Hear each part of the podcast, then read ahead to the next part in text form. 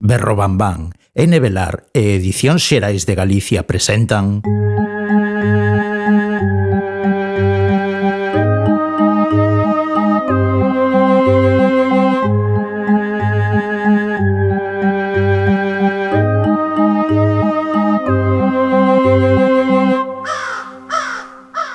Trece avisos. Historias para escoitar pola noite na categoría de medos reais, deses que sabes que poden acontecer e que de feito acontecen, o medo ao castigo é un dos principais. Ten que ver coa xustiza, claro. Moitos medos teñen que ver con ela. Se fixeches algo mal, o xusto é que recibas un escarmento. Así equilibrase a balanza, paga lo que debes e pasas páxina. Cando és pequena, os peores castigos chegan por parte da túa nai do teu pai ou de quen coida de ti e sabe exactamente o que che doe. Cando és maior, a miúdo ti mesma busca a maneira de castigar a injustiza que cometiches, e non hai xuiz máis implacable. Sempre acabamos burlándonos de alguén diferente, alguén que non pertence ao noso grupo, a ese colectivo que nos protexe mentres non cuestionemos as correntes de opinión, o que ten que gustarnos, as modas, as tendencias e o que lle asegura a estabilidade á sociedade a que pertencemos. Burlámonos porque non queremos que se burlen de nós. E así entramos nun círculo perverso onde conseguimos non poñernos na pel de quen sai perdendo. Lembrade eses momentos nos que alguén se burlou de vós. Pensade na vosa impotencia, no voso temor a que esa burla chegase a ser violenta, a que vos fixesen dano, dano de verdade. En que momento pasamos a cazar para non ser cazadas? Son Paula Carballeira e doucha benvida a 13 avisos, un podcast onde falamos sobre o medo, contamos historias e intentamos explicar o inexplicable para poder dormir pola noite sen temor aos pesadelos. Música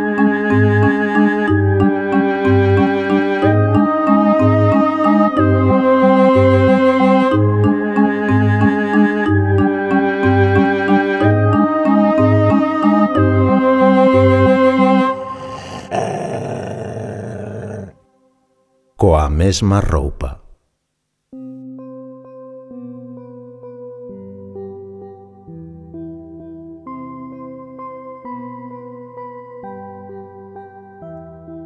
A nena que se sentaba diante na clase era a gorda. Tamén a chamábamos gordibola ou gordi cando lle queríamos pedir un favor. Non era que non soubésemos o seu nome nin os seus apelidos. Laura Martínez Espiñeira. Tampouco era que nos quese mal, nin mal nin ben. Pero gustábanos burlarnos dela e ver como se poñía encarnada e como marchaba correndo coas súas pernas tortas. Laura, a gorda, intentaba non cruzarse connosco e iso divertíanos aínda máis. Onde vas, gordibola? Ven aquí, deixa que probemos a túa merenda. Tes un xersei novo ou é a funda do sofá? E riamos a gargalladas.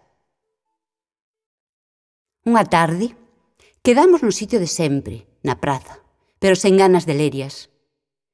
A maioría teríamos que repetir curso e acababan de lembrarnos que non íamos chegar a nada, que en algún momento se nos acabaría a boa vida, que pasábamos o día facendo o parvo. Foi daquela cando vimos a Laura, a gorda.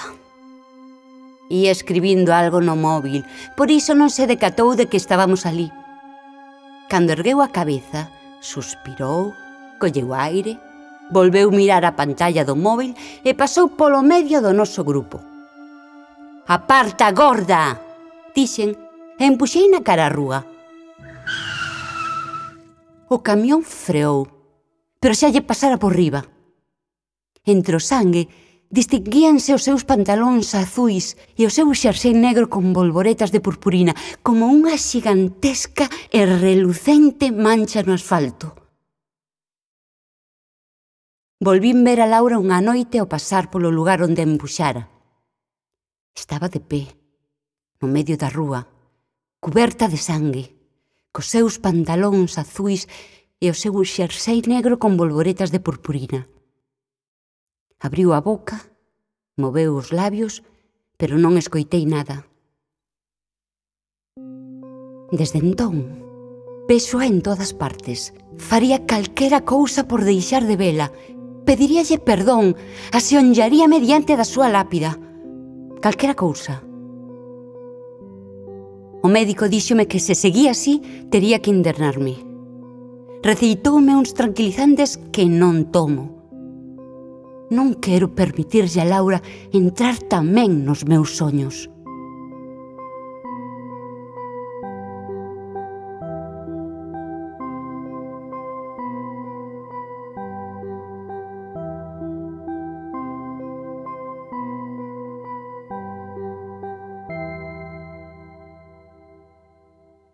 A miúdo deixámonos levar pola ira, polo enfado, pola rabia e non pensamos nas consecuencias. A miúdo, as consecuencias atoparán a maneira de vivir sempre connosco, na nosa mente ou nos nosos pesadelos, onde non poidamos desfacernos delas.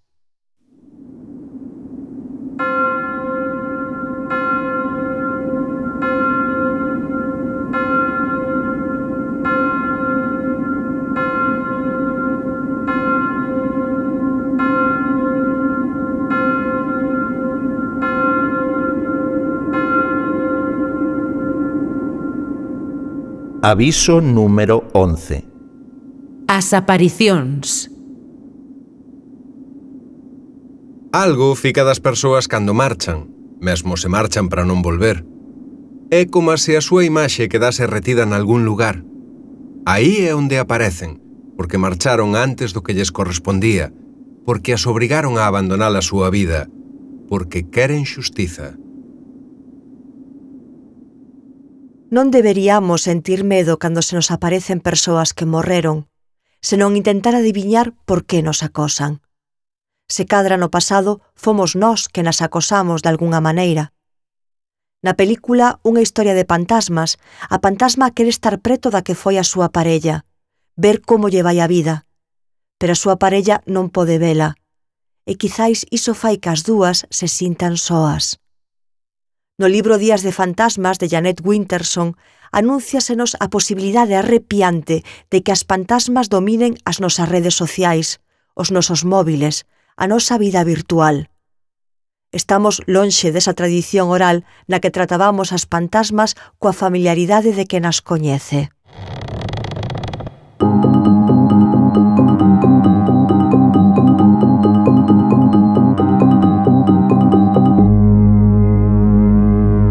Historias do ataúde. Estamos na sección Historias do ataúde, con os ataúde pequeniño de cartón, preparado para abrirse e deixarnos ler un microrelato.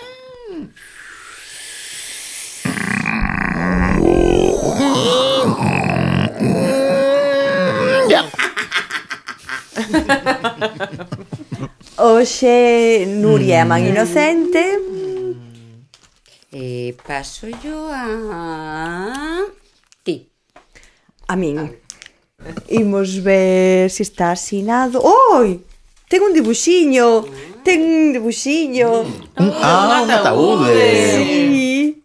E te está asinado por creo que é Janel e Marina. Queres que corroboremos? Mira, a ver, eu creo que Janel, pero mira de aí se... No, Antonio y... Jane, Sí, Janel y Janel. Marina. Sí, non? Janel Janel. Janel, sí. Di así. Vin a miña nai ao lonxe vindo cara a min. Pero como? Se cravamos con cravos a súa tumba. Son fantásticos, eh? Esta tanda de, de... son moi graciosos. De aí, o debuxo da do... do de, claro. que debía estar aberto, ¿no? bueno, igual ¿cómo? eso foi como como, como, antes, de, como deixaron, como deixaron cravado con cravos, é eh? que isto facíase moito uh -huh. para que non saíse.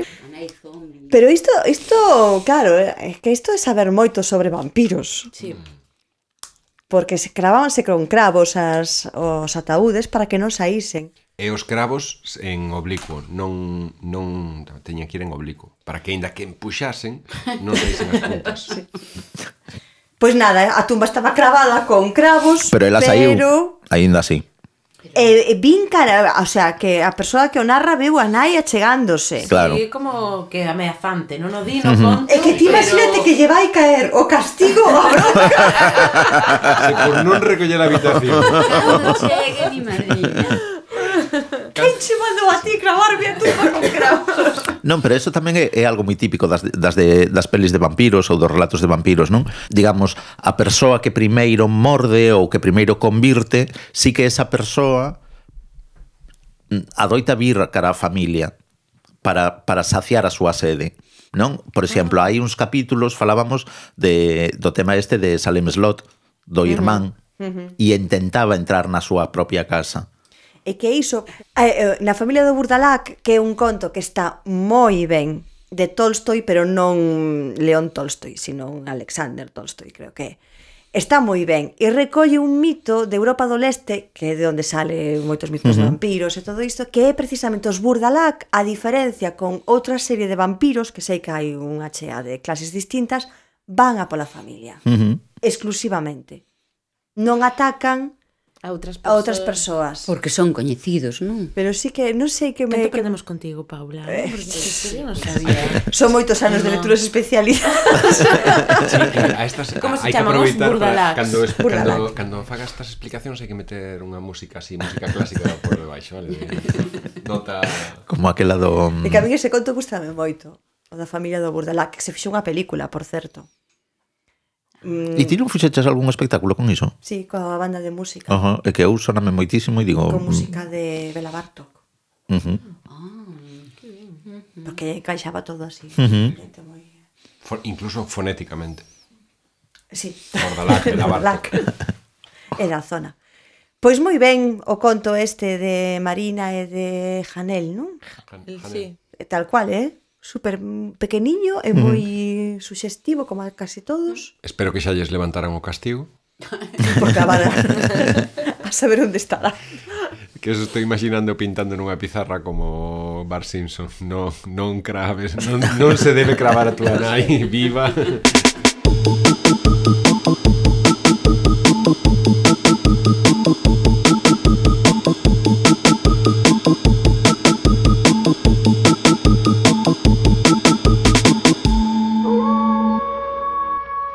voces desde o alén.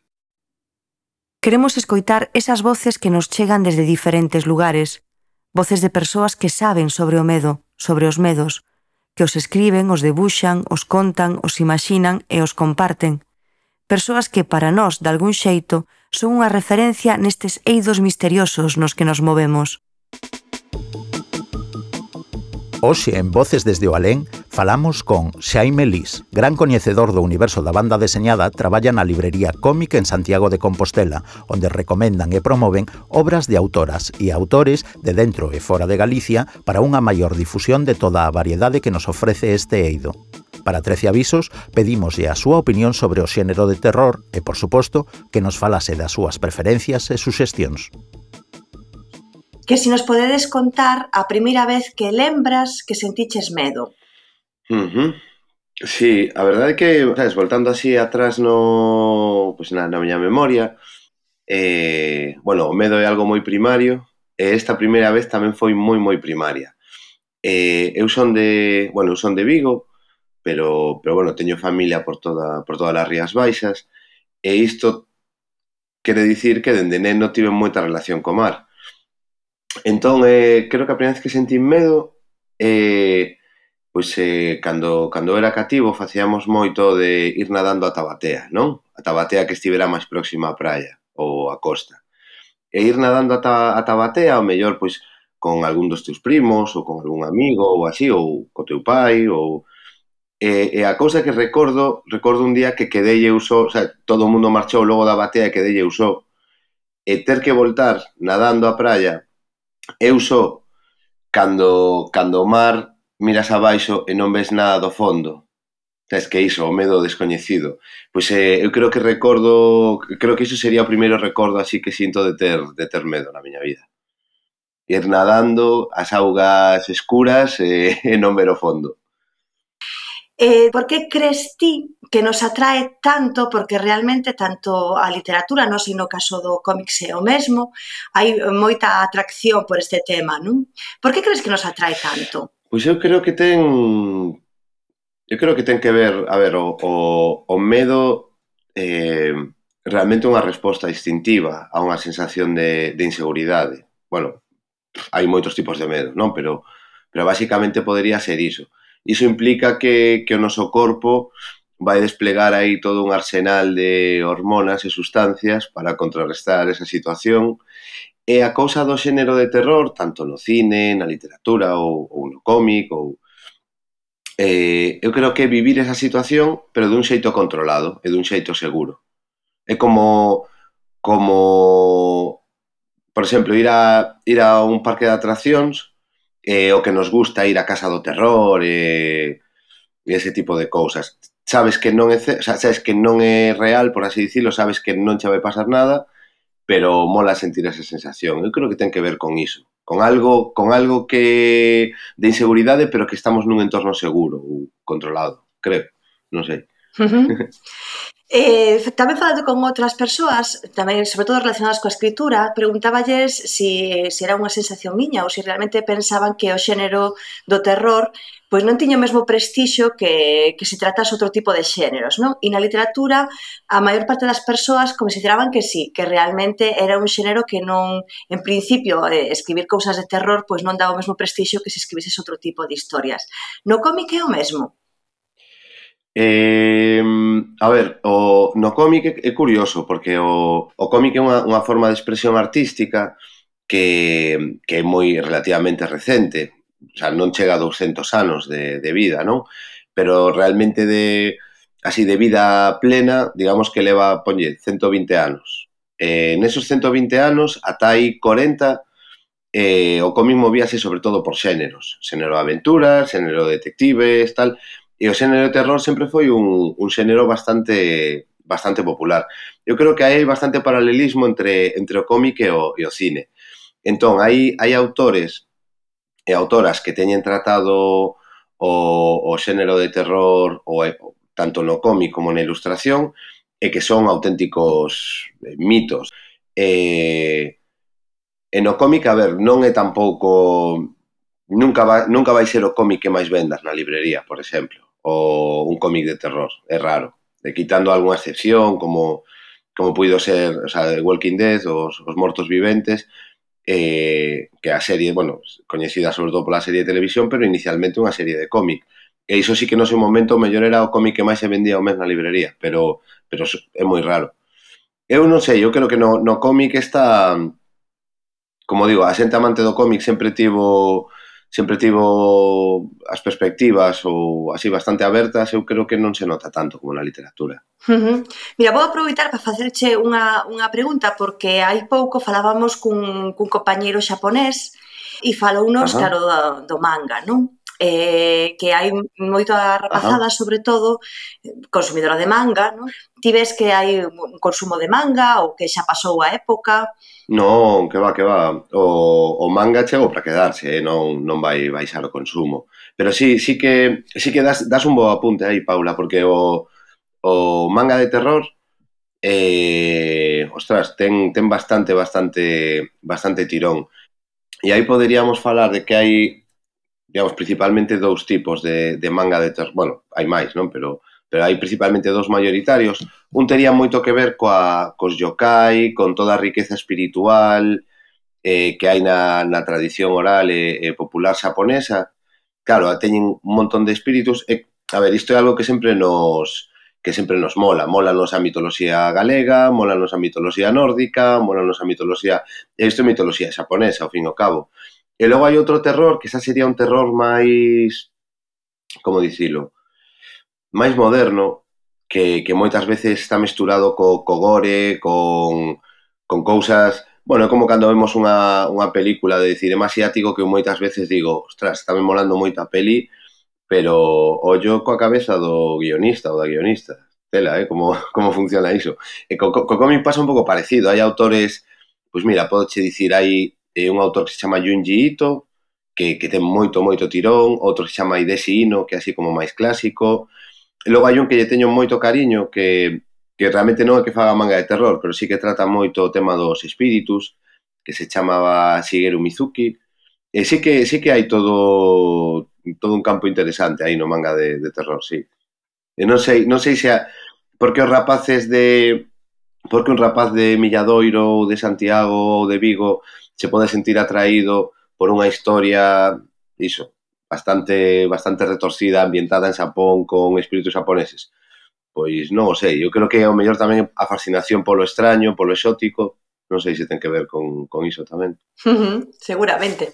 E xa que, xa que empezaches, tamén che quería pre preguntar se nos podías recomendar algúns, algúns cómics deste xénero, así algúns títulos que te veñan á cabeza, non teñen por que ser moitos, pero que digas, va, pois é imprescindible que se coñezan estes títulos.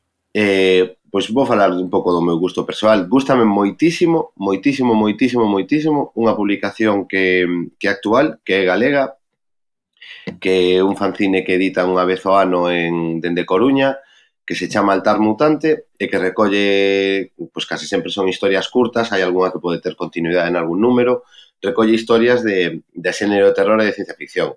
Está, está moi guai. Eh, logo así de, de cómic máis xeral, gustame moito eh, a, a adaptación que fixo, bueno, un autor argentino chamado Brequia fixo sobre os mitos de Cthulhu, de Lovecraft, porque é desos casos nos que, a ver, o, o texto xa é superpotente, os textos son superpotentes, non? Pero, pero logo o estilo gráfico do, de Breccia axeitase perfectamente o, o que está contando.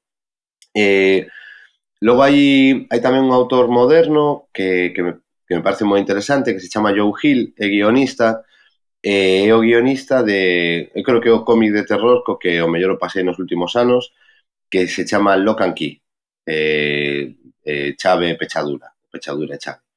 Creo que tamén hai unha adaptación en serie ou así. E o que non nos sorprende é cando nos enteiramos que o tal Joe Hill realmente é fillo dun, dun señor que non sei se vos soará, que se chama Stephen King,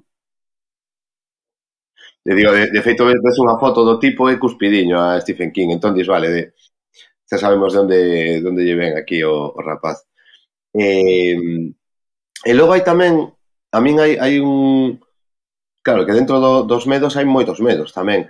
A min gustame moito que sería o... Antes falabas de Alfred Hitchcock que presenta eh, esa, ese límite que hai entre o suspense e o terror ou o terror psicolóxico. Eh, non son historias de terror, pero realmente sí que é terrorífico, non? O que o que tes aí. Eh, bueno, non sei. Sí, sí, sí, sí, está moi ben. Eh, mira, xa para, para pechar, a min gustaríame, tamén vos pedimos ás persoas que, que convidamos, se nos podedes contar algo, o mellor non como a primeira lembranza que quedou un poquinho atrás, pode ser algo máis recente, algo realmente terrorífico que vos acontecese de verdade. Teño, te, teño unha experiencia eh, que é relativamente recente, eh, non me provocou medo, pero sí que é unha cousa difícil de entender para min. Bueno, difícil de entender non, sí que ten sentido, pero bueno, hai, hai cousa dun, dun ano, un ano e pouco, faleceu o pai dunha, dunha boa amiga, eh, era unha persoa coa que eu tiña, coa que eu tiña eh, moi boa relación, eh, estaba ingresada no hospital, pero prefería que non o fose, que non o fose visitar, entón falamos algunha vez por teléfono, e houve un día que tiven un soño no que estiven falando con el moitísimo tempo, de moitísimas cousas. E, eh, e cando espertei, e, eh, e logo saín á rúa, pois entereime por outra persoa que acaba de falecer. E falando coa miña amiga, eh, pues básicamente ahora que eu estaba soñando con él, esa persoa estaba morrendo. Entón, non me provocou, isto non me provoca medo, que destas cousas tamén de cousas que non podemos controlar e que escapan ao noso entendemento, é así quizá esa experiencia máis tal. E logo, medo, medo, medo, medo, medo de, sabes, de pensar incluso na situación agora que me treman as pernas, sí que teño que voltar un pouco ao pasado. Eh, eu son o, o maior de tres irmáns, teño dúas irmás pequenas, eh, pois o mellor eu con nove, dez anos ia a buscar a unha gardería, a outra colexio e íamos logo os tres para casa. Eh, levando a pequena, recollín a pequena, a Cris, na, na gardería, e eh, agardando para cruzar, digamos que ela se me adiantou un pouco, levaba agarrada da man, e, eh, e pasou unha furgoneta que viña que viña, vamos, a, a toda hostia, e, e movina así, o sea, pasou a furgoneta a centímetros dela. E recordo, sí, sí que recordo ter esa sensación como ter tido moitísimo medo e... Deus, sinto que non, non, o sea, non, non teño moi bons exemplos para isto, Paula, pero eu creo que sería a situación na que pasei máis máis medo. Ata aquí chegou este episodio de 13 avisos, Moitas grazas por acompañarnos. Que pasedes unhas boas noites e un consello, non fuxades do medo, espantadeo. Thank you.